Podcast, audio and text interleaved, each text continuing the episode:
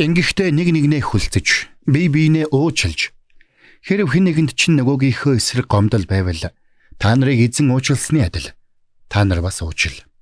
Колосай 3-ын 13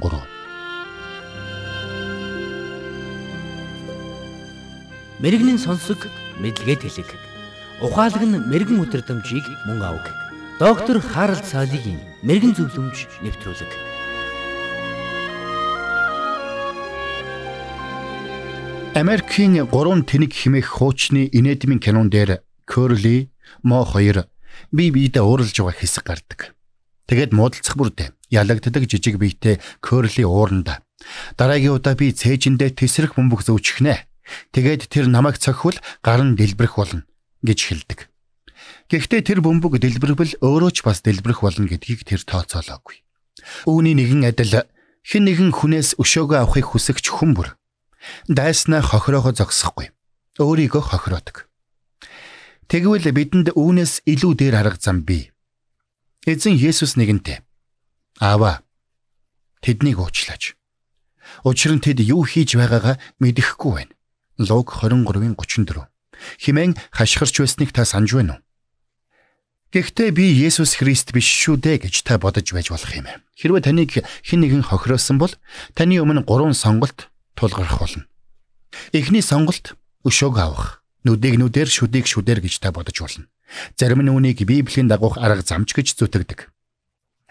Гэхдээ тийм биш ээ. Бурхан бидэнд уучлалыг сургадаг. Хуучин гэрээнд бурхан шийтгэлийн тогтолцоог Израильчуудад өгөхдөө шийтгэл нь үйлдсэн нүглээс нь илүү хүнд байж болохгүй гэдэг зарчмыг баримталж байсан.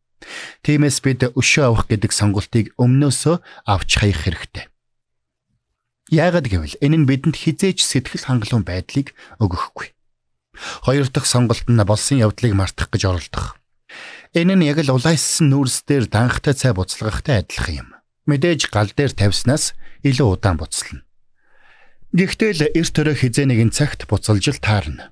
Шудраг бус явдлыг дотороо хадгалах гэж оролдох нь гарцаагүй ирэх үр дагаврыг хойшлуулах төдий алхам юм. Харин цаг нь ирээд дэлбэрэхэд ямар ч ноцтой үр дагавар үүсэж болзошгүй гэдгийг бид ойлгох хэрэгтэй. Тэгвэл бидэнд үлдэж буй хамгийн зөв алхам нь уучлал юм.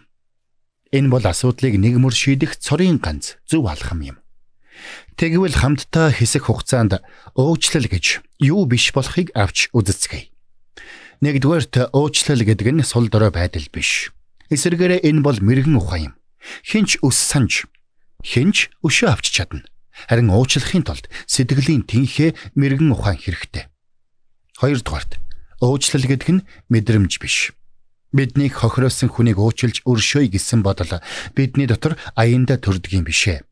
Бидний төрлөх мөн чанар биднийг шахаж бидний гомдоосон нэгнээс хариугаа авахыг биднээс шаардаж байсан. Үүнийг хамгийн сайн мэддэг хүмүүсийн нэг бол дэлхийн 2 дугаар дайны үеийн хохирогч Кори Тем Бүүм юм.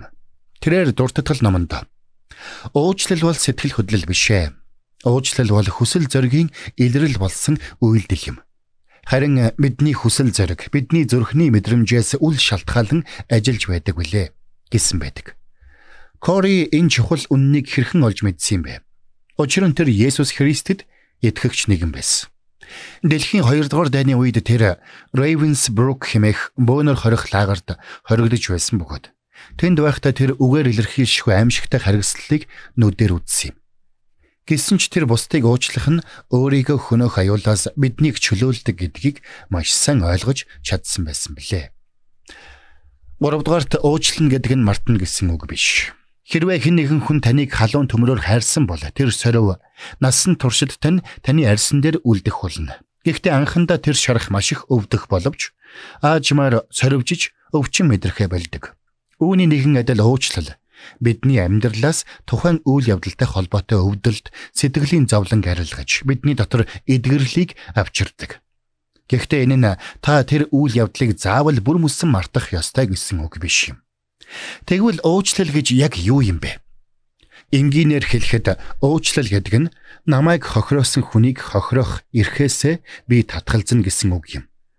Өнөөдөр та хэнийг ч гомдоогоогүй байж болно. Та ойр дотны хүмүүстэй үргэлж сайн сайхныг хүсдэг байж болно. Гэхдээ эрт өрөө хизээ нэгэн цагт бид бүгдээрээ хайртай дотны хүмүүсээ гомдоодог. Учир нь бид төгс биш. Бид бүгд алдаа гаргадаг. Бид бүгд бүтлгүйддэг. Санаатай болон санамсаргүй байдлаар бид нүгэл үлддэг. Тэгвэл уучлал өршөөлн бидний зүрхэнд буй энэ гим нүглийн өвчнийг эдгэх ерөндөг болдог.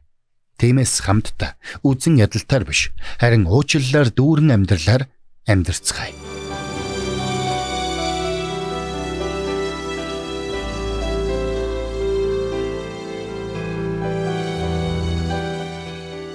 Мэргэн нэгнийг дагуул мэргэн, мулгуутай нөхөрлөл хорлол.